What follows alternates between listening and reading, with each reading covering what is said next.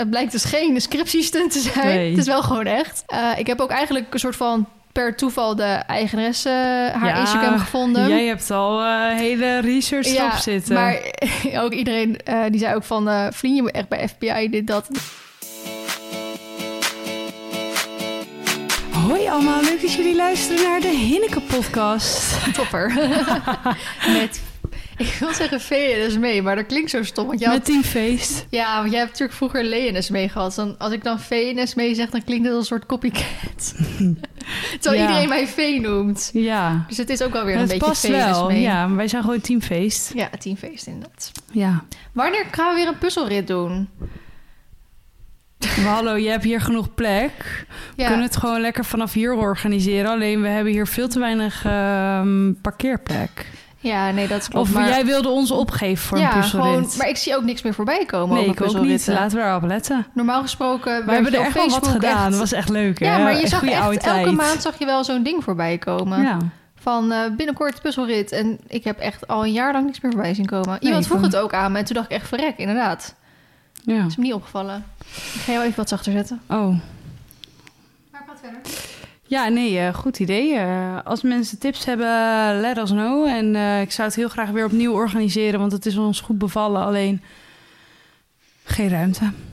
Nou, wat hier wel eens wordt gedaan als die IJslanderstal een wedstrijd heeft, dan mogen ze hier op het weiland hiernaast parkeren. Ja. Nee, op het weiland. Oh. Als er mais staat, staat er mais. Ja, Maar- oh, ik dacht daarop als er geen mais staat. Nee, maar nee. dan. eh, nee, gewoon echt op het weiland hier direct naast. Maar ik Hmm. weet niet of ik dat ook zou mogen. Maar goed, dan is er nog steeds van hoop eh, dat geregeld moet worden. Dat is waar. Maar hoe gaat het met je? Ik ben moe. Ik ook. Maar we mogen eigenlijk niet klagen, toch?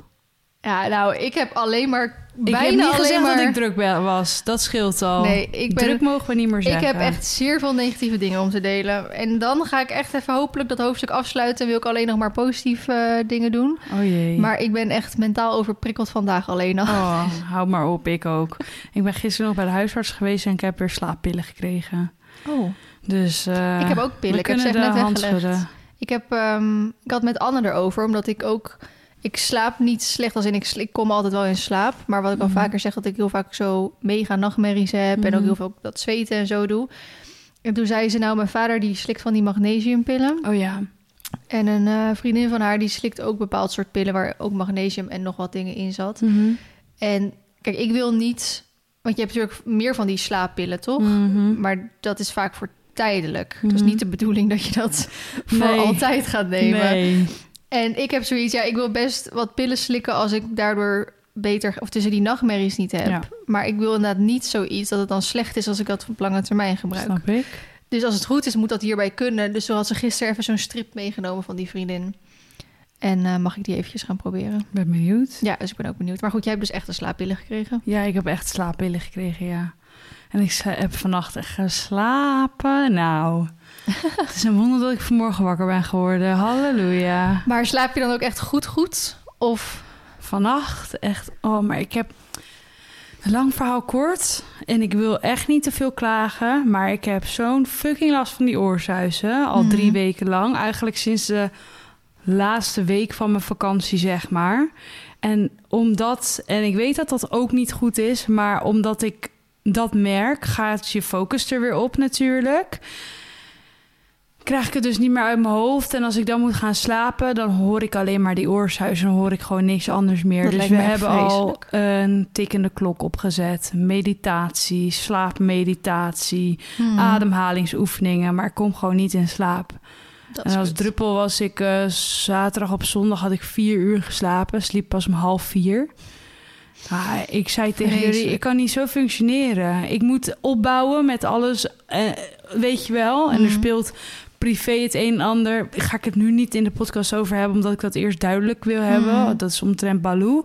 Maar dat ehm, kost heel veel energie en kopzorgen. En ik krijg mijn hoofd dan gewoon niet meer leeg. Dus ik ben naar de huisarts geweest, omdat ik die, die afspraak had ik vorige week al gemaakt voor die oorzuizen. Toen zei ze, nou, we gaan eerst eens zorgen dat je wat beter slaapt. Want ja, zonder slaap wordt je herstel niet beter. Mhm. En ik heb dus, dat zei ik tegen jou net, een neusspray gekregen... omdat ik doffe trommelvlies heb en een doorverwijzing naar de KNO. Om te kijken of dat er gehoorbeschadiging ook aanwezig is. Of dat het dus inderdaad gewoon letterlijk tussen de oren zit, die oorsuizen. Want Oh, ja. oorsuizen kunnen ook nog komen van oorbeschadiging. Mhm. Dus echt wat een gezeik weer Ja. allemaal. Maar nogmaals, ik wil niet alleen maar klagen, want het leven is mooi. Maar Nou, ik ga wel verder met klagen soms is het echt dat ik echt denk... ja, ik word helemaal lijp hiervan. Mhm. Dus nu, eh, dat was even mijn klaag, twee minuten. Nu mag Nu jij. ga ik 30 minuten klagen. Go your gang. Misschien lost het wat op.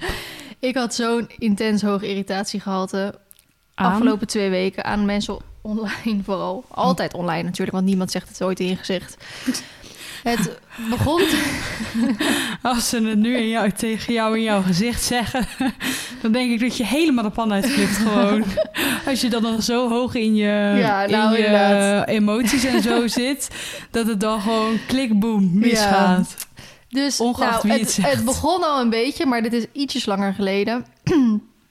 ik had ehm, een foto of een story, weet ik het wat, geplaatst op Insta. En toen begon iemand over die oogkleppen bij Marley als ik ga mennen. En die, Oh ja. had, die had het over dat dat nou, ondertussen toch al lang eh, bewezen is dat dat niet nodig is. En dat het, on, nou, ik weet niet of ze zei of dan onder dierenmishandeling viel, maar dat ik dan weer het goede voorbeeld moet laten zien met dat het ook zonder kan. En dat een voorbeeldfunctie. dat, eh, dat een paard maar 10% ziet met oogkleppen op. En dat is natuurlijk zielig. En eh, nou, bla bla bla. Kijk, ik weet er ook niet alles van, hè. Mhm. Maar ik heb mijn mencursus gedaan. Ik, zit nu, ik weet er nu een beetje vanaf. Er zijn meerdere redenen voor die oogkleppen. Mhm. Kijk, dingen zoals ehm achteropgekomend verkeer, ehm, reflectie in de ramen. ehm, maar ook dingen zoals dat ze de menwagen achter zich niet kunnen zien. Want blijven vluchtdieren. Dus als zij dat dan eng vinden dat die mencar hun, om het even zo te zeggen, achtervolgt. Dan kunnen ze dat eng vinden. Kijk, dan denk ik, dat zijn nog allemaal dingen die je op zich wel kan leren, toch? Mhm. Van dat dat allemaal niet eng is. Mhm. En nou, verkeer, weet je wel, als je eh, te paard zit, heb je ook geen oogklep op. Maar wat bijvoorbeeld wel weer iets is, jij rijdt met, een, met mennen altijd met zo'n lange mensweep. ja. En die gebruik je eigenlijk als een soort je been. Je, je Ja. ment vooral met je stemhulpen. Maar als ze niet genoeg op stem reageren, dan doe je even je been gebruiken, maar je hebt geen been, dus dan doe je het met die zweep. Ja. En als ze daar ook niet op reageren, dan kan je nog de zweep echt als zweep gebruiken. En dan geef je hem gewoon een klets ermee als hij echt niet eh, luistert. En daar bedoel ik natuurlijk nooit echt iets negatiefs mee, maar je bent gewoon een verkeersdeelnemer. En soms, weet je, je kan best wel veel schade aanrichten als je paard zeg maar niet ergens langs wil of achterwaarts in één keer gaat of weet ik het wat. Dus soms moet je hem dan of gewoon omdraait. ja, of om, dus soms moet je hem gewoon echt even letterlijk, om het heel even zwart-wit te zeggen, naar voren slaan. Omdat naar voren moet, omdat hij anders gewoon iets Mhm. of iemand of zichzelf schade kan aanrichten. Eh, dat, als het goed is, dan gebeurt het zeg maar nooit, maar het is altijd even een soort van je noodoplossing. Mhm. Maar ik gebruik die zweep inderdaad om hem even te attenderen. Of als die scheef gaat lopen. Of als die, weet je wel, van let eens op, loop eens door. En als, jij, als zij die zweep een soort van achter zien, zich zien bungelen... dan kunnen ze al daarop reageren. Terwijl je natuurlijk eigenlijk alleen wil dat hij op die zweep reageert als je hem aantikt. Ja. Snap je wat ik bedoel? Ja. Dat is bijvoorbeeld ook een van de redenen waarom je oogkleppen hebt. Nou, en zo zijn er nog genoeg andere. Nou, dat een paard maar 10% ziet, dat klopt sowieso niet. Want als je gewoon kijkt naar het zichtveld van het paard... kijk, 100% zal die inderdaad niet zien, maar wel meer dan 10%. En toen legde ik dat ook zo uit aan diegene... en begon eerst wel weer een beetje over... ja, maar dit en dan dat. En toen zei, ik, en toen zei ze, oh ja, die 10% heb ik een keer ergens gehoord, weet je wel. Dan denk ja, maar kom Ja. dan niet met feiten die geen feiten zijn Ja. die je dan weer ergens hoort. Nou, en toen uiteindelijk zei ze inderdaad wel van... oh, sorry en zus en zo. Dus eh, weet je, ze pakt het goed op... dat ik even uitlegde hoe het allemaal werkte. Maar ik vind het wel... en dat hangt een beetje samen aan mijn volgende irritatie... Oh jee. Die, ja, die begon over eh, helemaal... zeg maar, Narch heeft op dit moment natuurlijk niet echt de echte schelmogelijkheid... eh, als er nu zon of regen is. Oh ja. Nu stonden ze van de week, was het aan het hagelen. Nou, toen wisten ze niet hoe snel ze uit die schelstal moesten komen. Ook door het geluid op het dak vinden ze vaak eng. Weet je, een paard in de regen vind ik niet heel erg. Als het langdurig regent, vind ik wel... bij hem moet je op zijn minst een deken opdoen of zo. Nu staan ze met die hooihuisjes altijd met hun hoofd nog wel onder een dak... en nou, et cetera, et cetera. Ehm, het gaat vooral eigenlijk om de schaduw als het bijvoorbeeld heel erg warm is. Nu denk ik ook wel weer, als het heel erg warm is, ben ik praktisch altijd thuis, waardoor ik ze een paar keer per dag kan afspuiten en nou, zus en zo. En dan nogmaals, als zij staan te eten, staan ze onder een dakje, dus dan is hun hoofd in ieder geval in de schaduw. En toen begon dus ook iemand echt helemaal op de grond in te trappen over dat Nacho geen schaduw had. En dat kan echt niet. En dat is een basisrecht van een paard en zus en zo. En dan kom ik al een beetje van je doet al zoveel dingen. Je laat zoveel dingen zien. Je doet al zoveel dingen goed. En het is gewoon heel irritant dat mensen dan weer zo één dingetje eruit pakken waar ze het niet mee eens zijn. Ik bedoel, kijk hoe die paarden hier zijn. Kijk wat ik allemaal met ze doe. En zo god in Frankrijk leven, die krengen hier ook. Dan ga je mij helemaal aanvallen omdat ik fucking oogkleppen met mennen gebruik. Of dat ik dat, dat Narts nu even tijdelijk geen schelmogelijkheid heeft. Denk, waar denk je dat ik mee bezig ben? Ik bedoel, die vergunning komt echt niet uit de, uit de lucht vallen hier zo hoor. Nou, er is dan vandaag iemand langsgekomen om te kijken wat mogelijk is qua schaduwdoeken. Omdat ik het inderdaad mee eens ben qua zon. Dat het wel fijn is als hij dan toch eventjes ergens kan uh, overdekt kan, kan schuilen. Maar weet je, heel veel dingen hebben ook weer zoiets van... joh, het is nu bijna september, dan is het alweer straks herfst... dus hoeveel warme dagen gaan we nou nog krijgen? Ja. ja. is het dan niet iets om gewoon lekker naar volgend jaar te schuiven... en dat hangt bijvoorbeeld af van de offerte die ik straks ga krijgen? Ja, als die, uh, ik zeg even wat, onder de 1000 euro is... dan uh, kom maar plaatsen. Maar als die in één keer 2000 euro is, dan denk ik... ja, sorry, maar dan uh, spuit ik hem wel een extra keer af mm. met, met de zon straks. En dan schuiven we dat door naar volgend jaar... of ik wacht wel gewoon tot ik mijn offerte heb. Of het is een, mijn vergunning heb. Dus dat was al sowieso een hoge irritatie gehad. Dat ik denk, jezus, hoezo moeten we nou zo moeilijk doen? En doen alsof ik gelijk mijn paard mishandel. Ja. Door die kleine dingen. Ga, ga, ga, je alsjeblieft druk maken om al die andere paarden... die het wel echt veel slechter hebben? Ja, ik uh, verbaas me daarover. Maar ik snap sowieso niet waarom mensen zoveel tijd hebben. Ja, maar sommige mensen hebben oprecht heel veel tijd. Ja, maar Waarom moet het dan negatieve, ja. negatieve gevulde tijd zijn? Ja, inderdaad. Daar wordt, wordt ze zelf toch ook niet blij van? Nee, zeker niet. Toen was hier vorige week dat meisje of vrouw van die ESDR. Therapie voor uh, Ja, ik weet nu waar je het over gaat hebben. Ja. ja. Um, die was hier dus, ik zal het ook gelijk even allemaal bijpakken. Die was hier geweest. Uh, nou, dat ga ik dus voor Nacho proberen... naar aanleiding van heel veel mensen die dat hebben ingestuurd... van nou, misschien is dat iets voor hem. Voor mensen die niet weten wat ESDR is... het is een soort van EMDR voor paarden. Misschien kan jij beter uitleggen wat EMDR precies is... want jij hebt dat een keer gedaan.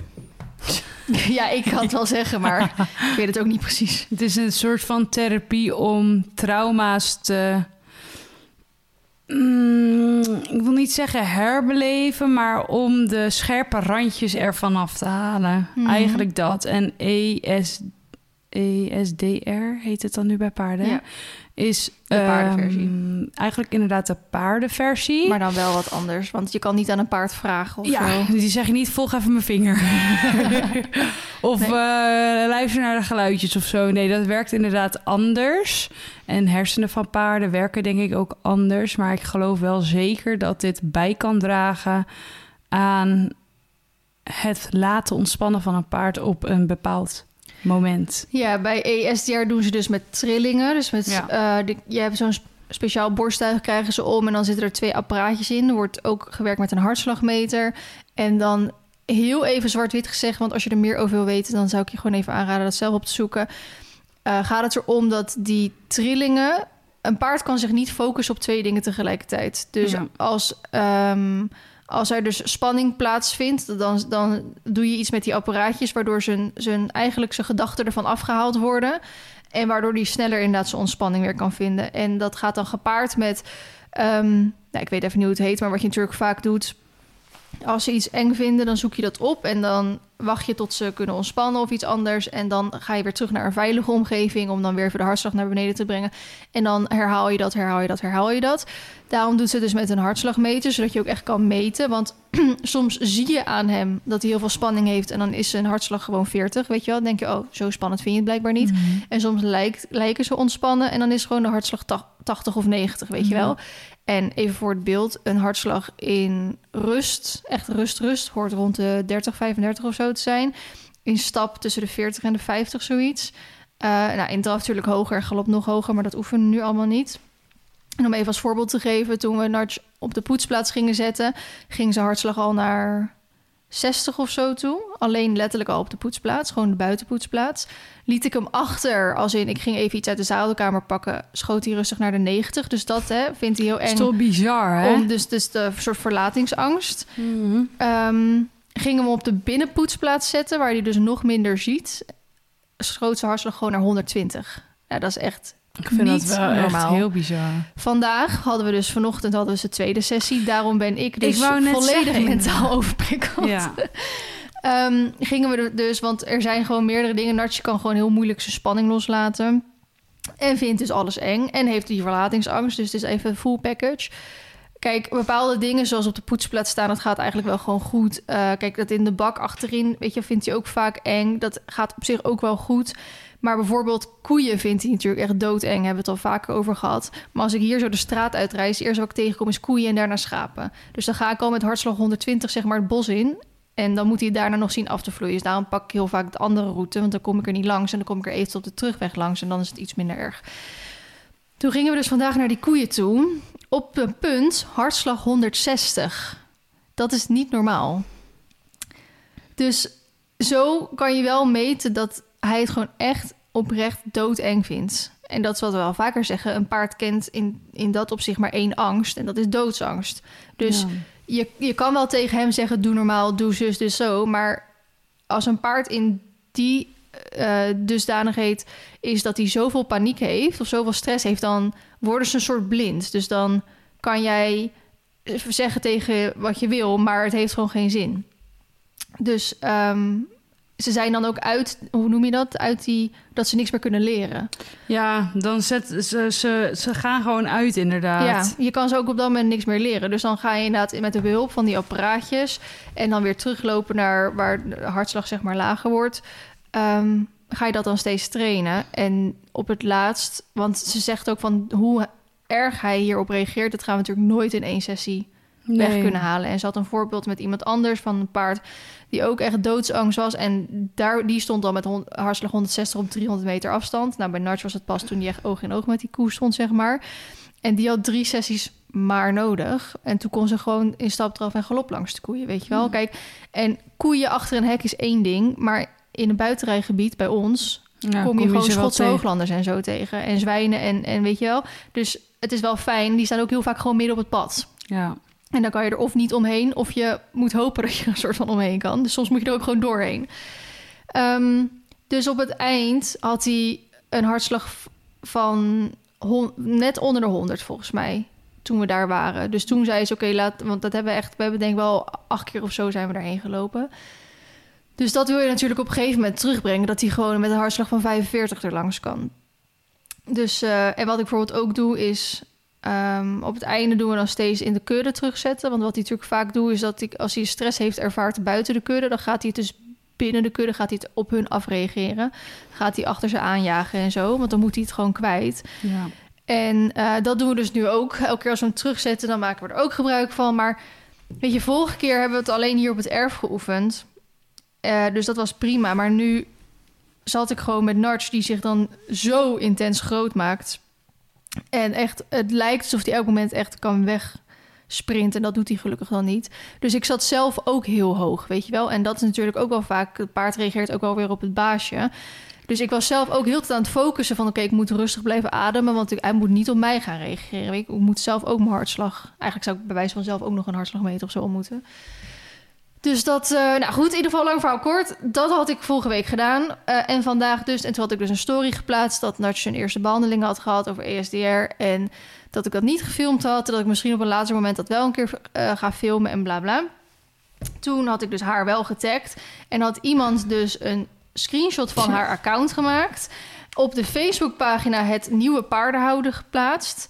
Met de tekst erbij: Ik kwam met volle verbazing dit tegen op Instagram. EMDR voor paarden. Hoezo vermenselijken? En dan met zo'n smiley, met zo'n. die dan wel glimlacht, maar dan wel zo'n traantje erbij, weet je wel? Ja. Dus een negatieve caption. Die, dat topic is echt, echt losgebarsten. Er zijn Ja. ondertussen 219 opmerkingen Echt? over. Dat is helemaal uit de hand gelopen. Eh, wat het positieve Maar ook eraan echt is... grote namen hebben hierop gereageerd, hè? Ja, wat het positieve ervan is, is dat ik denk ruim 90% heeft er positief op gereageerd. Als in, Ja. nou ja, waar slaat het op dat je... ehm, het is eh, op heel veel verschillende manieren. De een zegt, nou ja, ik heb het ook bij mijn paard gedaan en het heeft echt super erg geholpen. Dat waren heel veel reacties. Eh, ook wel wat inhoudelijker. Ook heel veel van, nou ja, want zij had dus een screenshot gemaakt van het account van dat meisje of die vrouw die bij mij ehm, was. Maar dan wel de accountnaam weggestreept en de naam weggestreept. Maar ja, je ziet nog steeds gewoon haar bio, dus wat er allemaal inhoudt. En haar aantal volgers. En dat zie je wel, wel gewoon nog allemaal. Dus ehm, heel veel mensen natuurlijk ook van... nou, waar slaat het op om iemand zijn profiel zo neer te zetten? Eh, ook al is die dan soort van anoniem gemaakt. Maar nog steeds zou je prima terug kunnen herhalen... van wie dit account nou precies is. Dus de meeste reacties gingen daarover. Ehm nou ja, hoezo vermenselijken? Je zult maar een paard hebben met een flink trauma. Heel triest hoe collega's hier worden afgevallen. We zijn hier om elkaar te helpen en eh, te doen. Ehm, ik wil niet onaardig doen hoor, maar deze post vind ik gewoon een beetje lullig. En ik snap niet waarom ik dit op deze eh, pagina moet tegenkomen. Ehm, nou, zo ging het eigenlijk heel veel door. En ik zelf, ik zelf had er ook op gereageerd, maar wel zoiets van... Nou ja, ik ga er zelf geen woorden meer aan vuil maken... want gelukkig heeft iedereen hier het gewoon voor haar opgenomen. Maar ik vind het wel echt complete onzin dat iemand zich zo gaat uitlaten. Ik bedoel, als jij eh, je vraagtekens erbij hebt... ga dan bij die mensen zelf vragen hoe dat werkt... of hoe dat nou precies zit toen hadden ook heel veel mensen gingen daar weer op reageren van ik snap überhaupt niet als, dat dit bericht is toegelaten, want als je dus een bericht plaatst op die pagina, moet die eerst geaccepteerd worden door de beheerders of dus afgewezen Hmm. worden. Nou, dus toen was hij natuurlijk toegewezen.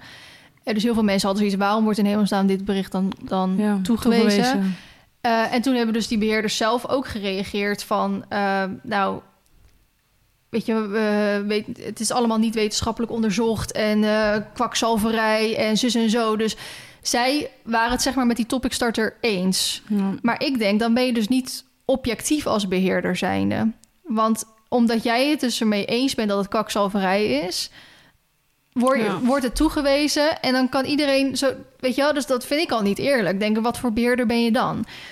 Dus toen werd het daarna ging het weer los over dat de, dat de omschrijving van de pagina of zo weet ik veel was aangepast over dat kwakzalverij dus niet is toegestaan op deze pagina. En onder kwakzalverij, ik vind de benaming vind ik sowieso al erg beladen, maar er valt volgens mij alles wat niet wetenschappelijk bewezen is. zeg maar. Ja, maar wat niet wetenschappelijk bewezen is. En binnen de paarden is heel veel niet wetenschappelijk bewezen. Klopt. Bij de mensen trouwens ook nog steeds niet. EMDR is volgens mij bij mensen nu wel wetenschappelijk bewezen.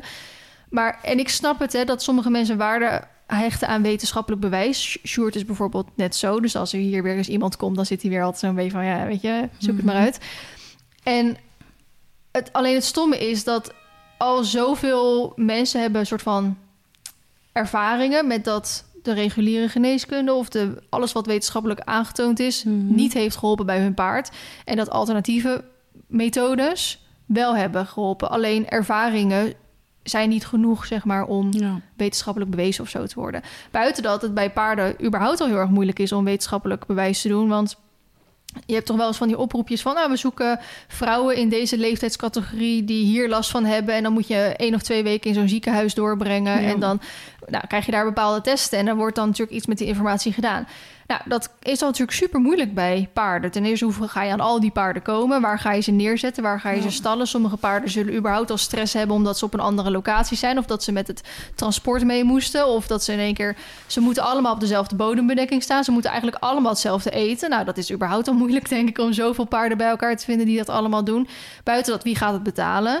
Weet je wel? Dus bij paarden is het überhaupt al heel erg moeilijk... om wetenschappelijk bewijs ergens over te doen.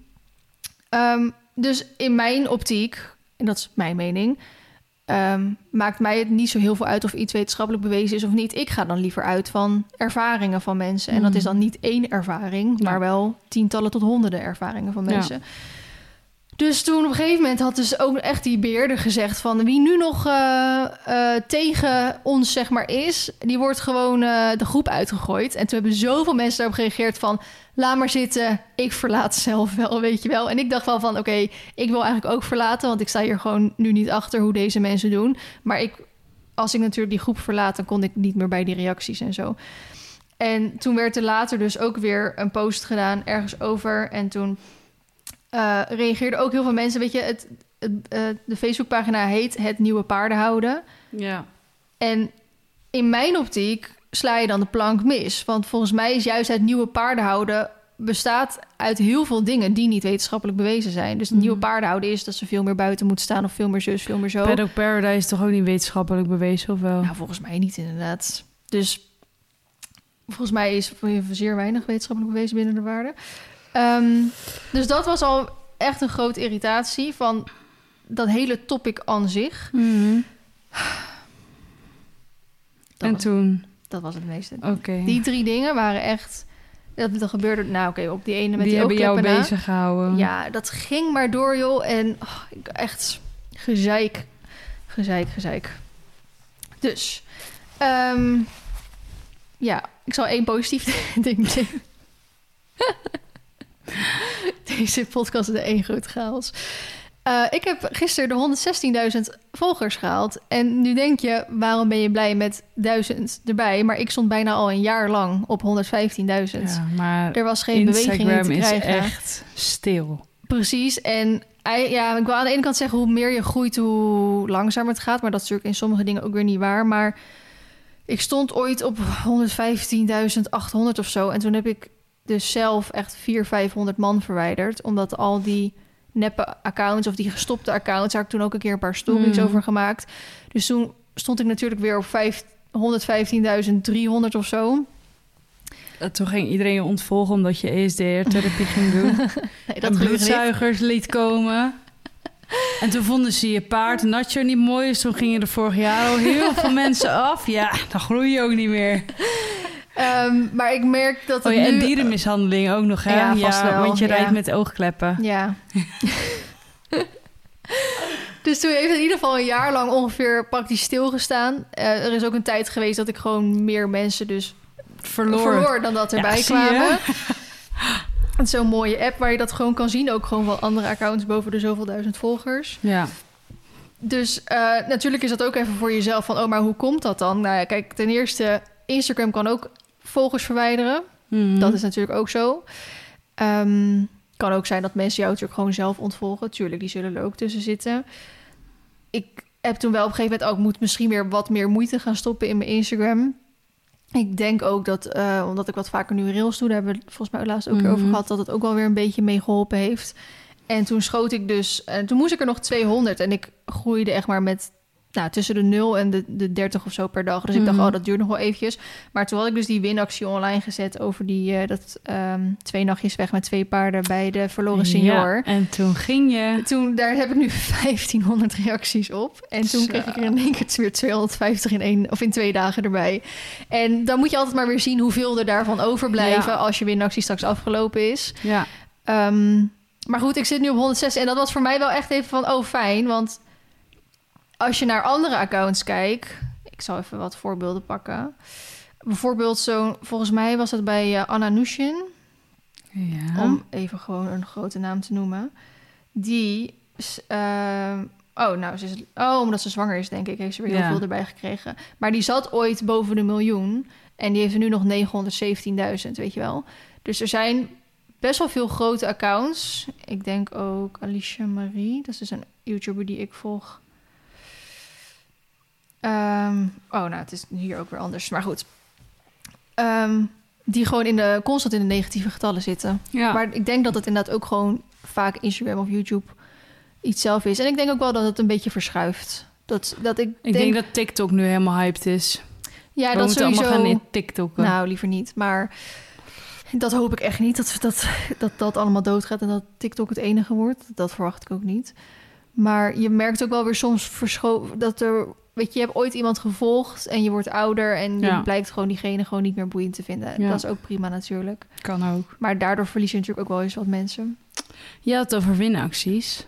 Ja. Ik ga dus in de week voordat ik jarig ben, dus de laatste week van september, een hele week doen met iedere dag een winactie. Oh, wat leuk. Ik had vorig jaar ook gedaan, weet je nog? Ja. Toen heb ik ook onder andere een broek van jou weggegeven en Oh, ja, ja. een fotocadeau en nog wat dingen. En nu dacht ik, ik ga dat gewoon weer helemaal opnieuw doen. Dus ehm, in de week van mijn verjaardag komen er volgens mij zes winacties online. Oh, lekker meid. Echt helemaal zin in, want ik doe natuurlijk eigenlijk bijna nooit winacties. Ja. Dus ik dacht nu, nou, dan ben ik meteen voor het hele jaar weer klaar. Helemaal zin in. En er worden echt grote dingen weggegeven. Dus ik vind het echt, ik ben Oh. helemaal hyped. Leuk man, zin in. Ja, ik ook. Oké, de podcast werd heel even gepauzeerd, want iemand stuurde een spraakmemo naar me waarvan ik dacht, oh, die moet ik wel eventjes gelijk eh, luisteren. Maar gelukkig niks aan de hand. Ehm, ja, leuk. Dus eh, ik wou zeggen, zijn we nu klaar met negativiteit? Of heb je nog meer negatieve dingen? Ehm, Nou, diepe zucht. Nee, op zich valt het mee. Ehm, ik wilde misschien heel even kort ergens op ingaan waar we het al twee podcasts over hebben. Over dus dat Instagram-account die dus die ehm sponsorruiters zocht. en daar wil ik eigenlijk nu even een soort van voor het laatst op ingaan. Want er wordt, het, het blijkt dus geen scriptiestunt te zijn. Nee. Het is wel gewoon echt. Ja. Eh, ik heb ook eigenlijk een soort van per toeval de eigenaresse haar Ja, Instagram gevonden. Jij hebt al eh, hele research erop zitten. Maar ook iedereen, eh, tenminste, eh, die zei ook van... eh vriend, je moet echt bij FBI dit, dat. Ik dacht, ja, maar ik kwam eigenlijk best wel per toeval kwam ik op dat Instagram-account terecht. Ja. Maar eh, omdat er steeds meer eh, bekend is... wil ik eigenlijk op gegeven moment stoppen erover. Want anders wordt het persoonlijk. En dat wil ik gewoon niet. Want het gaat niet om de eigenaresse van dat nieuwe account. Maar wat we vaak zeggen, het gaat een beetje over de mensen... die allemaal heel graag sponsorruiter willen worden. Mhm. Ehm, het enige wat ik erover wil zeggen is inderdaad, het blijkt geen eh, stunt te zijn. Ehm, en het tweede wat ik erover wil zeggen is dat er nu een sneak preview is gekomen over welke producten het gaat. Ja, wil jij nu sponsoruiter worden? Nee, ehm, het, maar je ziet er nog niet heel veel op. Je ziet alleen gewoon een dekje. Je ziet eh, Bonte peesbeschermers. bonte peesbeschermers en springschoenen met bont. Ja. En ik wil gewoon heel klein kort iets over zeggen. Want nogmaals, ik wil dus dat het nu niet persoonlijk gaat worden. Want daar, dat wil ik gewoon niet. Ehm, maar we hebben van tevoren natuurlijk gezegd van... iemand meldt zich aan voor sponsorruiter... terwijl, ze je wel, terwijl je nog helemaal niet weet... wat voor producten iemand gaat uitbrengen. En nu weet je dus waarschijnlijk wat diegene gaat uitbrengen. En dan zag ik al in de reacties, niet veel, maar wel een paar... En ik denk dat veel, veel meer het zullen denken. Maar heel veel mensen staan natuurlijk niet achter beenbescherming met bont erin. Mhm. Ik zelf ook niet. Jij volgens mij ook niet. Ik heb ze wel. Oh, oké. nou, Ja. ik heb ze dus nog nooit in mijn leven gehad. Uh, maar in ieder geval, omdat natuurlijk gewoon de pezen heel warm worden en et cetera. Heel veel mensen zijn gewoon echt wel anti überhaupt beenbescherming. Natuurlijk alleen met springen en cross vaak. Of uh, nou, bandage is natuurlijk al gezeik. Um, waardoor al best wat reacties komen van... oh, maar ga je ook um, beenbescherming zonder bont uitbrengen? Mm. Of wat mensen van... oh, maar je weet toch dat beenbescherming uh, met bont uh, slecht voor de benen is... om deze, deze reden. En weet je, als zij dat wil uitgeven, moeten ze dat lekker doen... want er zijn genoeg merken die dat ook doen. Maar het is wel weer heel erg typisch dat je je dus eerst aanmeldt als sponsorruiter... Ja. terwijl je nog niet weet wat het is. En dan blijkt het dus iets te zijn waar je waarschijnlijk dus helemaal niet achter staat. Dus dat wilde ik even gezegd hebben. Nou, oké, okay, we gaan door. Gesloten. Gesloten. De rest mogen jullie zelf op Instagram blijven volgen. Onderwerp gesloten. Precies. Um, een week bespreken volgens mij gewoon, toch? Ja, dat denk ik Ik heb echt ook. al mijn irritaties er al uitgegooid. Ik uh... zeggen, volgens mij heb jij niks anders gedaan dan je de hele week geïrriteerd. Dus uh, volgens mij is jouw weekbespreking al ja. over. Nou, ik weet je waar ik me ook nog Nou?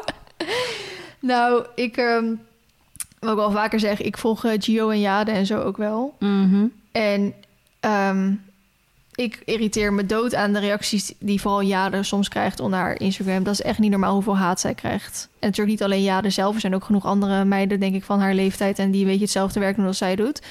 Maar het is echt niet normaal wat, voor wat mensen kunnen zeggen tegen een 19-jarig meisje die gewoon, nou, deels geluk heeft gehad, deels gewoon er zelf voor gezorgd heeft en nu dit leven leidt. Dat ik echt denk, oh, ook gewoon, kijk, heel veel van die, gewoon van die, van die vervelende jongetjes, weet je wel, van die daar dan een mening over hebben. Genoeg meiden ook, maar ook gewoon moeders met kinderen of zo, weet je wel.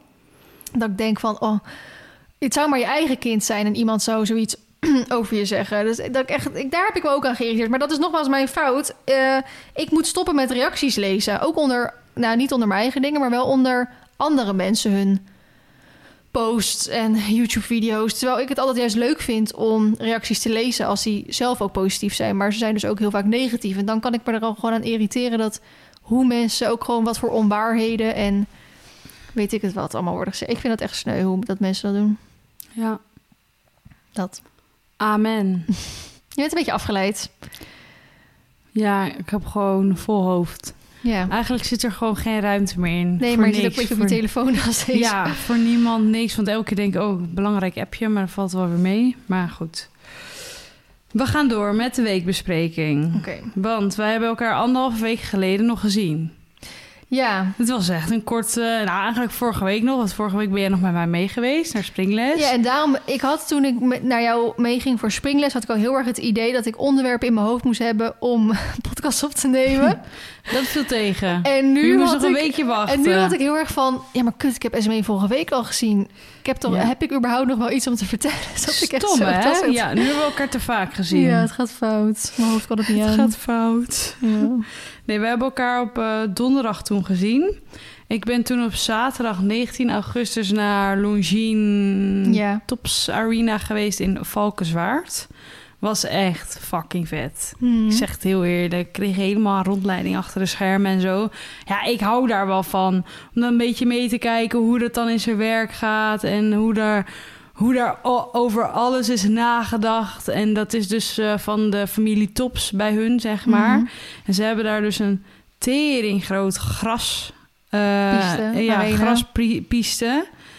En dat gras, bij te veel regen of als het helemaal kapot gelopen is... kan het gras er nog afgehaald worden hebben ze zandbaan. gewoon een zandbak. Ja. Gewoon echt met de beste bodem erin Ja, liggen. Dat je denkt, wat een geld heeft, wat een geld kost dit? Ja. En wat, een heeft, wat heeft dit gekost? En hebben jullie ook gewoon- ook dat er gewoon een fulltime iemand zich over met dat gras bemoeit. Ja, er, zit gewoon, er heeft gewoon iemand een baan die alleen maar verantwoordelijk is voor het gras. Ja.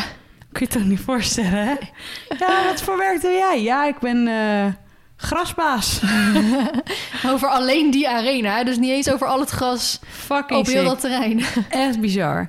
Ik heb daar dus een vlog over gemaakt met eh, de hele achtergrondinformatie Was die, en eh, die rondleiding echt dat je denkt... ehm, Oké, dit, dit, dit had niet ook een bezoeker kunnen krijgen. Wat ik bijvoorbeeld laatst met een rondleiding had. Van, ja, dit had je als bezoeker ook wel allemaal kunnen zien. Nee, ja, dit was echt, eh, dit was echt ehm, privé, zeg maar. Echt een rondleiding door die stallen waar alle paarden van alle eh, Ruiters stonden. ruiters stonden. Ja, daar kom je als bezoeker kom je daar niet. En Nee. boven, we zijn ook nog helemaal in de ehm, Die toren geweest. in die toren geweest. Daar kun je ook als bezoeker niet komen. Dus het waren wel oprecht dingen dat je denkt, oh ja, dit, dit soort dingen weet je niet als dat je als je daar als bezoeker komt. Mhm. Dat vond ik heel leuk. Want anders ja, kun je wel een rondleiding krijgen, maar voor wat dan? Ja, ja. Dat denk ik dan maar. Dus het was ontzettend leuk. En ehm, s s'avonds hebben we het 1,60 gekeken, wat Sanne Thijs had gewonnen. Ja, godsamme. Ja, oké. En dan ga ik het ook weer zeggen. Ook de meningen zijn over Sanne verdeeld. Want ja, zielig voor dat paard dat ze zo in zijn bek trekt. En dit en dat en zus en zo. Ook toen ik een story geplaatst had van... nou, echt dierenmishandeling, bladibladibla. Ja, ik weet dus niet. Kijk, ik, ergens snap ik de reacties wel. En ik heb ook eh, wel eens iets over Sanne gezegd in de podcast. Dat ging toen over een stukje dressuur met Jesse Mhm. of met of zo. Ehm, maar volgens mij is dat paard zo achterlijk moeilijk te rijden. Ja, zij vertelde dus Waardoor ze hem inderdaad... expres met lange teugel moet Ja. rijden, omdat hij graag die lengte wil. Voor de rest heeft ze er helemaal niet een extreem scherp bit in zitten. Geen hulpteugels, geen... Ze heeft er voor de rest, volgens mij, zover ik het van een filmpje kan zien, niks geks aan zitten. Maar dat paard wil gewoon lengte hebben. Ja. Waardoor als je dan een keer wel een ophouding moet maken, ziet het er Ja. heel raar Groot uit. uit, en ja. groot uit, inderdaad. Ja, kijk, weet je wat ook, wat we heel veel vergeten? Dit is een hindernis van 1,60 meter, hè? Ja. En die staat ook 1,60 meter breed. Ja. Als jij daar niet op uitkomt, dan ga je er dwars doorheen. Hè? Ja. En dan is het niet een metertje. Dan moet dat paard echt wel... En hoe die soms zich gered heeft... want het eerste rondje race ook niet de perfecte afstanden. Mhm. En het zei ze ook van... Een beetje een scheidrondje. Mhm. Maar zij vertelde ook... Bij, bij iedere wedstrijd moet zij een plan A, B en C hebben. Want dat paard is zo verdomd lastig... dat ze bij iedere lijn die ze moet rijden... kijkt ze... oké, ga ik me- ga ik mijn plan A aanhouden... Ja. of moet ik doorgaan naar een plan B of C? Ja. Nou, dat is toch niet te rijden? Nee. Dat zegt ze zelf ook. Hij is zo lastig. Ja. En nu heeft ze dus Valkenswaard gewonnen. Mhm. En dan mag ze dus door naar de grand finale, als ik het goed heb. Ja, zegt ze, maar ik denk dat ik die toch niet ga rijden. Want eh, dat is eh, in een kleinere piste of zo. Ze zegt, ja, dat doet dat paard niet aan. Oh, op die Weet manier. je, dus is, en dat paard is 20, hè? Ja. What the fuck? Ja. Nou, dat zou je me echt niet geven. Maar het mooiste vond ik nog, ik had echt kippenvel al over met dat publiek. Hmm. Het was insane. Echt zo meelevend. En Ik vind dat zo fijn aan de spring of iets Oh, anders. Dat was ja. echt... Als ik eraan terugdenk, krijg ik gewoon weer kipvel. Het was heel mooi. En nogmaals, de manier van rijden kan natuurlijk over gespeculeerd worden. Maar aan de andere kant, ja, of dat je dan zij überhaupt het springt wel op het hoogste niveau mee, hè? Ja. Beste, beste luisteren aan de kant, zei ze toch? Dat altijd. Maar ik vraag me dan ook, kijk, want je zou bijvoorbeeld ook kunnen zeggen... ja, maar moet je dit paard dan überhaupt starten? Oh, moet je maar die überhaupt... geniet Maar volgens mij hoor. vindt het paard het geweldig. Ja, anders doet hij dit Anders niet. gaat hij echt niet zo over die Nee, heen. echt niet. Dat kun je me niet wijsmaken. Nee, mij ook niet inderdaad. Dus was, eh, was een feestje. Was echt heel erg leuk. En ehm, ja, dat was dus eh, die zaterdag zijn we daar geweest. Wat heb ik nog meer gedaan? Oh ja, toen moest ik maandag voor het eerst weer werken. Want ik had drie weken vakantie gehad. Oh, zo. Ik dacht, oh, je was toch alweer aan het werken. Nee, ja, dus ik ging weer werken. En als ik dan weer een weekje heb gewerkt, dan zit je natuurlijk weer in een, in een, een, een, een ritme wat je weer een beetje vast moet houden. En wat je weer moet opbouwen. Dus die hele week was heel rustig. Ik ben wel afgelopen vrijdag op fotoshoot geweest eh, in de, bij de Hei in Havelte. Oh ja, leuk. In eh Drenthe zit dat. Nekropie. Op Nekropie, ja. Braaf paard. Was echt amazing. Mhm. Echt gewoon geweldig. Dat hadden we al veel te lang niet gedaan. En nou ja, gisteren dan dus bij de huisarts geweest, wat ik al vertelde. Ja, en vandaag zit ik alweer hier. Dus weekie. echt, eh, ja, saai, saai weekje weer. Ik heb een heel saai leven weer eventjes op dit moment. maar ik moet gewoon weer ritme krijgen met het eh, werken. Ja, dat is ook prima in je hoofd. Ja, ik, Dat is een vaatwasser. wow. ik, heb, ik kan toch niet meer er nu naast hebben. Mhm. Dus is prima. Ja. Ja. Ik zou ook wel... ehm, ik, had- ik had het heel druk, toen had ik het heel rustig. Toen zei Sjoerd ook echt van, wow, wat ben je veel thuis. Maar dan niet dat hij dat irritant vond, maar wel van, oh fijn, dan kan je Was helpen. gezellig. En dan eh, vind ik het ook prima om gewoon... Kijk, normaal heb ik natuurlijk een hekel aan koken. Maar dan, als ik gewoon lekker heel de dag een beetje zo kan kloten en doen... dan vind ik het ook prima om lekker te koken daarna s'avonds. En lekker Sjoerd te helpen. En dan een beetje zo weer mijn eigen ding te doen. En dan zie ik nu mijn agenda en dan denk ik echt, oh... En dan krijg ik weer bijna weer hetzelfde. Want bijvoorbeeld Horse Events is al over twee weken. Oh my god. Ik krijg het nu alweer een soort van... Hartklopping, Ja, ja. maar dan niet eens per se over Horse Events zelf. Ook niet eens per se dat ik Nacho ermee naartoe neem. Maar gewoon omdat ik dan weer weet... Oh, zoveel...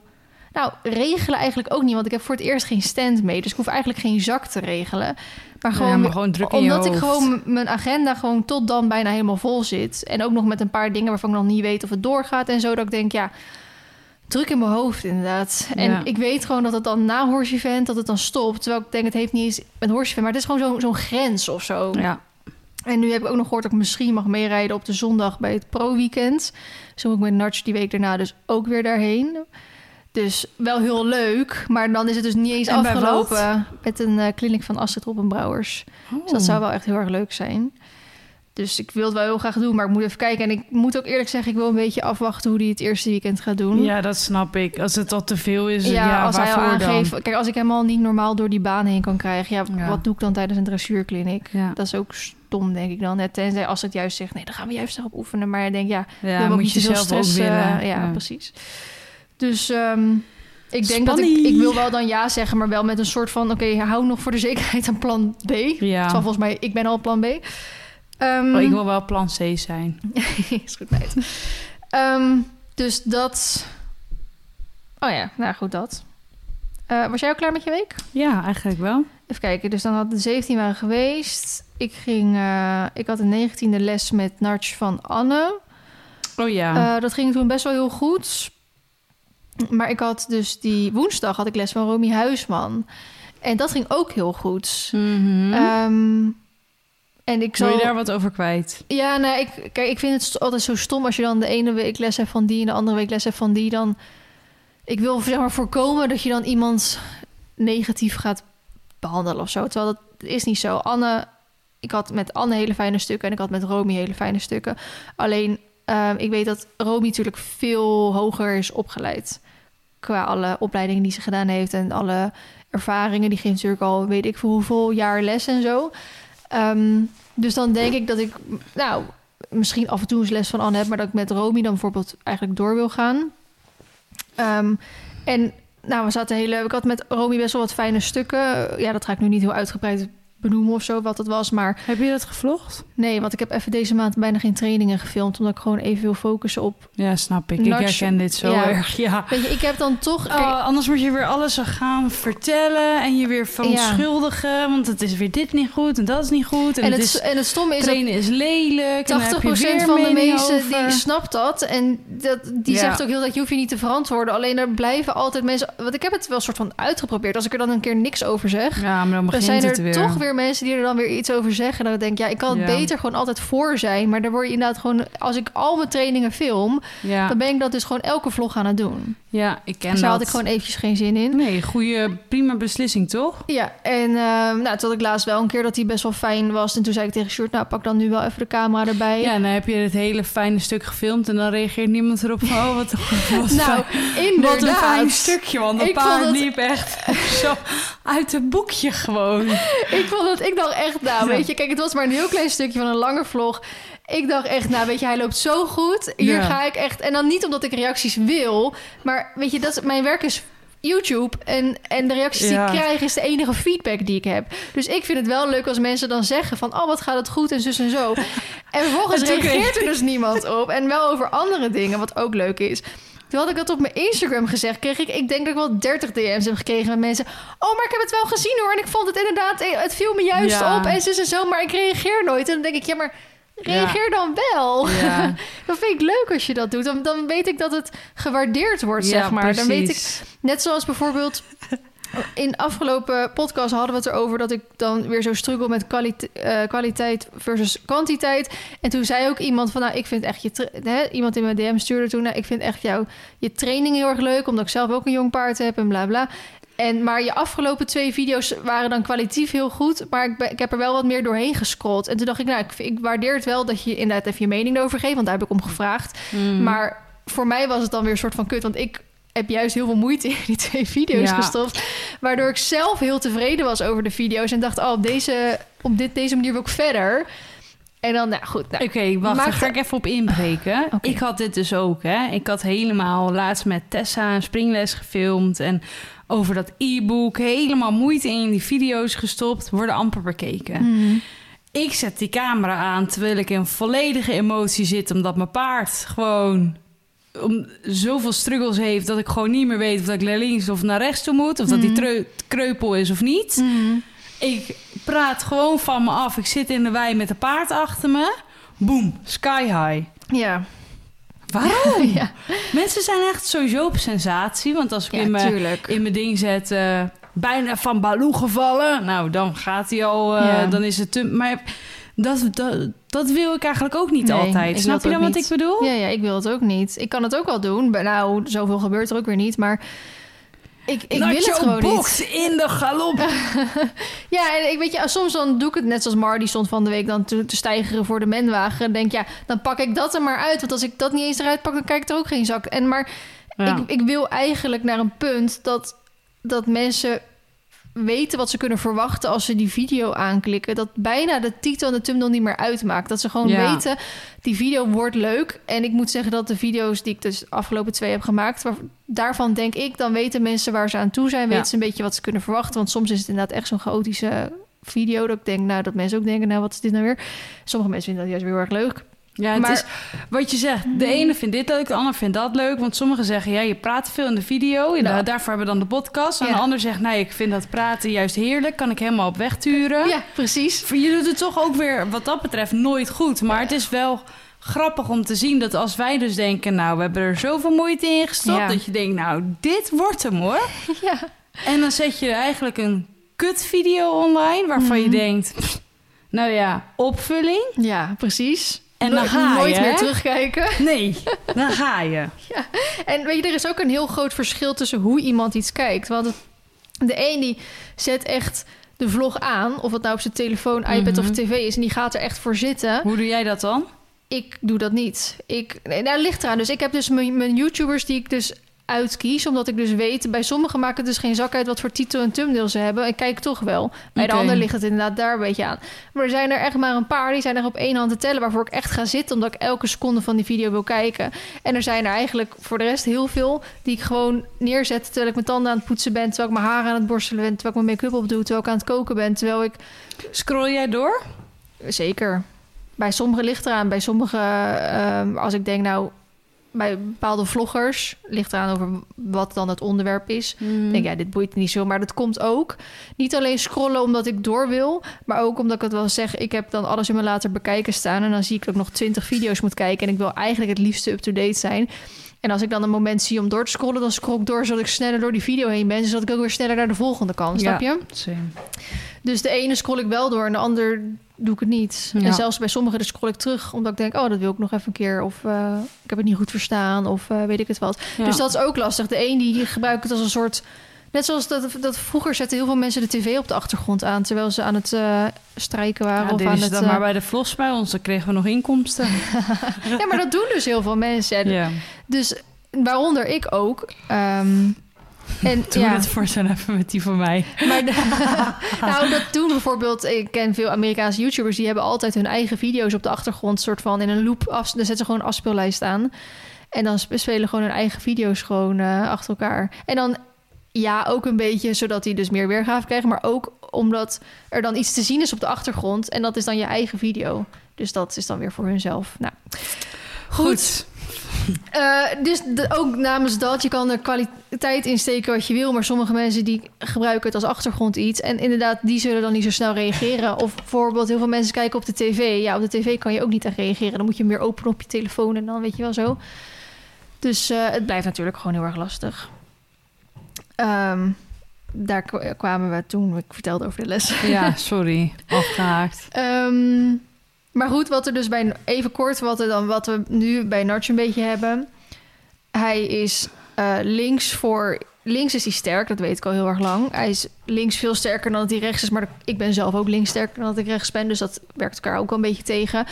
Hij is links sterk omdat hij op zijn linker voorschouder valt. Dat is dan zijn dominante schouder volgens mij. Maar dan kan je zeg maar wel links gaan prutsen en hem van die schouder afhalen. En dat kan. Alleen waarom is die links voor sterk? Omdat hij rechtsachter slap is. Dus wat je ook kan doen is rechtsachter sterker maken, waardoor het links voor beter gaat. Snap je? Dus dat is al iets wat we nu weer soort van geleerd hebben. En dat ik hem ook vanaf de grond wat oefeningen heb om hem daar vanaf de grond ook sterker te maken, zonder Mhm. dat er ruitergewicht op hem zit. Dus dat heb ik eh, getraind en dat vindt hij niet leuk. Als ik vraag of, of hij rechts achter erbij wil zetten, dan heb ik echt wel even ruzie met hem. En dan doet hij ook echt alsof hij het niet begrijpt. En zo, soms zal hij het ook niet begrijpen, maar soms dan heeft hij ook gewoon weer, maar ik vind dit te moeilijk. Ja. Ik wil dit niet. En dan komt hij omhoog, of dan doet hij dit, of dan doet hij dat. En dan op het einde, dan lukt het natuurlijk, omdat ik dan wel denk, ja, ik- je moet wel iets ervan leren. We moeten wel die rechter die sterker maken. En dan eh, doet hij het een paar passen. Nou, dan beloon je hem en dan is het goed. En dan de volgende keer probeer je het gewoon nog een keer. Hm. En je merkt wel, doordat je dat doet, wordt wel de galop gewoon beter. Ja. Ehm, want dat is wat ze ook zei. Kijk, je, je oefent dit in stap. Want je moet het zien als een soort centrifuge. Hoe harder een gang je gaat doen, hoe moeilijker het is voor hem om dat te doen. Dus je begint dat gewoon in stap. En zelfs als het in stap te moeilijk is, hou je nog zelfs het tempo eruit. En dan ga je gewoon super langzaam stappen. Mhm. Terwijl je wilt eigenlijk natuurlijk gewoon met een mooie arbeidsstap doen. Nou, als dat op een gegeven moment heel goed gaat, kan je natuurlijk een beetje in draf proberen. En nou ja, je hoeft het nu nog niet eens überhaupt in galop te proberen, maar je hoopt dat het wel een beetje eraan bijdraagt. Dus ik kan nu wel heel erg in galop, soort van bijna mijn kracht gaan gebruiken om hem van die linker schouder af te halen. Maar het heeft een soort van weinig zin. Hm. Je kan beter gewoon in stap en draf hem dan sterker maken, waardoor die in galop ook automatisch sterker wordt. Ja. Dus ik pak de galop natuurlijk wel zeker mee, want ik, daar moet hij wel gewoon beter in worden. Ehm, wat dat wel al gelijk merkte, ik was afgelopen zaterdag dan bij Snorrenwind weer. Mhm. En toen hebben we dus voor het eerst een parcoursje, even tussen aanhalingstekens, Mm. van zes hindernissen of zo, uit galop gedaan. Gewoon volledig een rondje uit galop, een parcoursje, dus hindernissen echt achter elkaar. Want toen had ik dus ook voor het eerst het gevoel, ik kan schakelen in de galop. Hm. En normaal, ik, wil, ik vind niet dat ik moet galopperen op een hindernis af als ik niet kan schakelen. Want dan is het een soort van op hoop van zegen hoe die gaat springen. En als dat dan verkeerd is, dan zal dat een deuk in zijn en mijn zelfvertrouwen geven. Waardoor die misschien de volgende keer dan gaat weigeren. Dus ik wil kunnen schakelen van oké, ik moet ten eerste de afstand kunnen zien. Nou, op zich de afstand leer je eigenlijk alleen maar door het te doen, want ik ben Marlies afstanden gewend. En als ik dan mijn afstand zie, moet ik denken oké, ik zet een stapje bij. Dus ik, ik wil nog geen been geven, dan geef ik alleen gewoon hand toe. Ehm, of ik wil een stapje terug en dan een kleine ophouding maken. En ik had nu voor het eerst het gevoel dat dat kon. Hm. Waardoor ik eigenlijk een heel rondje, dus zes hindernissen, uit galop kon doen. Die bijna allemaal qua afstand perfect waren. Of perfect, dat ik misschien net iets groot, net iets klein, maar niet, het werd niet zo'n noodsprong of zo, weet je wel. Toen dacht Oh. ik, ja, maar dan betekent wel dat hij sterker is geworden. Want voorheen kon hij überhaupt niet eens een half rondje galopperen. Oh ja, dat is de koekoeksklok die nu gaat. Schattig, hè? We hebben een nieuwe koekoeksklok, maar een soort moderne. Ik wil dit ook. Ja, dat is leuk, hè? Is het ook in andere kleuren? Ja, heel veel andere kleuren Waar, ze. welke website is Ik zal hem dit? zo even Dit doorsturen. is je tip, hè, van de week. Oké, is goed. ik wil hem wel... Ik ga hem wel binnenkort op YouTube delen als de woonkamer iets verder af is. Leuk, hè? Hij is alleen verkeerd afgesteld, want het is nu 59. En dan Oh, gaat hij ja. dus af. En de wijzers zeggen dat het nog een soort 56 is of zo. Oh, ik vind dit heel leuk. Ja, ik ben al goed. heel lang op zoek naar een koekoeksklok. Maar eigenlijk gewoon niet zo'n koekoek. Maar gewoon wel iets moderner. Maar dit is misschien weer alweer te modern. Je kan hem ook afstellen, maar dat is, hebben we ook nog niet, is ons ook nog niet gelukt. Dat hij bijvoorbeeld alleen tussen 8 uur s ochtends en 10 uur s avonds afgaat. Dus dat hij dan niet s'nachts ook nog dit gaat doen. Hoe duur was die? Eh, volgens mij 70 euro. Dat valt me wel mee. Koekoeksklok. Oh, ik vind hem heel leuk. Ik wil graag het linkje ontvangen. Zo. Ik zal hem doorsturen. Ehm, Oké, nou, lessen gehad. ehm gemend. Naar de, naar de snorrenwind geweest. Gisteren, eh eergisteren is het alweer... Oh, zoveel gebeurd. Naar Wolvengaan geweest, naar de drafbaan. Voor een samenwerking. En ehm, ja, ik heb het daar ook leuk gehad. Hm. Ja, was ook een klein kort rondleidingje. Het zag er heel cool uit, maar dat, goed, ik heb er in de vlog ga ik er al wel wat over vertellen. Maar ook dat is lastig, want daar zullen ook meningen over zijn. Hm. Zelfs dus toen wij eh, een paar jaar geleden met Ja. Jane in Engeland naar de renbaan gingen. Ja, het is heel cool als je daar staat. En Ja. eh, dat geluid van die hoeven die dan voorbij komen is echt super vet. Maar ook daar gebeurt natuurlijk een hoop waarvan je denkt... ja, sta je er dan achter, wil je het promoten? Ja, nee. Terwijl ik zal kort over zijn. Ik vind niet als je iets laat zien dat je het dan ook direct promoot. Ja.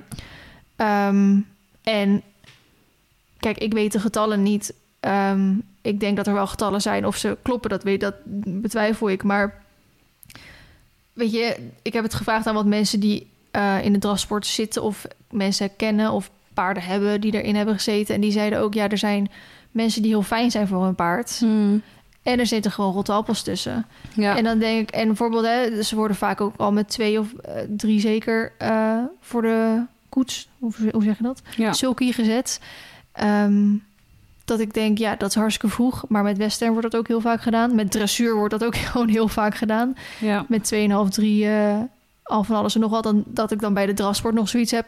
Dan zitten ze er met een sulky achter. Ja. Die super licht is. Ja. En ze gaan eigenlijk alleen maar rechtuit met af en toe een bocht. Denk, ja, volgens mij is het dan lichter voor een paard. En dat zal allemaal dressuuroefeningen Ja. in de krul moeten doen, weet je wel. Dus ik vind het heel lastig. Er zullen absoluut heel veel dingen daar fout gaan. Maar als je het dan weer zo in perspectief tegenover eh, dressuur of zo zet... dan denk ik, ja, dan weet ik eigenlijk niet zo goed. Dan, dan lijkt bijna dat beter. Nou, beter, minder erg. Ja. Dus Lastig, ja. dat zijn ook allemaal Ook weer omdat je er bijna geen kaas van gegeten hebt. Nee. Dus waar ga je dan inderdaad je mening op baseren? Ja, maar goed, in dit geval ging het letterlijk gewoon over een boek. Die natuurlijk, het boek vindt, de moord in dat boek vindt plaats op die drafbaan.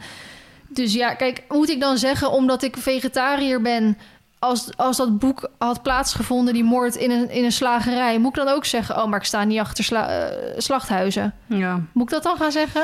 moeilijk Denk, hè? Als het fictie is, dan eh, wat boeit het dan waar het afspeelt, weet je wel? Dus het was gewoon heel moeilijk. En dan ga ik me inderdaad daar weer over proberen te verantwoorden in de vlog. En dan ben ik daar weer een kwartier over aan het praten. En dan denk ik ook weer van ja, moet ik dit er dan in laten? Maar ja, als ik het er niet in laat, dan zullen waarschijnlijk sowieso weer de negatieve Ja, reacties is het ook komen. weer Dus niet goed. het blijft allemaal moeilijk. We gaan hem afsluiten. Of was je nog niet klaar met je week? Nou, verder was Anne hier twee dagen. En we hebben gisteren lekker fotootjes gemaakt voor allemaal dingetjes. Amen. Dus dat was leuk. En vanochtend was mijn schoonmaakster er. Ja, ik eh, heb... Dat was het eerste wat ik zei tegen je. Hè? Het is Ja. opgeruimd. Het is heerlijk en lekker schoon ook. Het is heerlijk. En eh, ja, ik had dus vanochtend dus ook die ESDR weer van Darts, waardoor ik zelf ook echt mentaal overprikkeld was. Dus ik, mer- ik vind het zo soort van bizar dat je dat dan zo duidelijk merkt.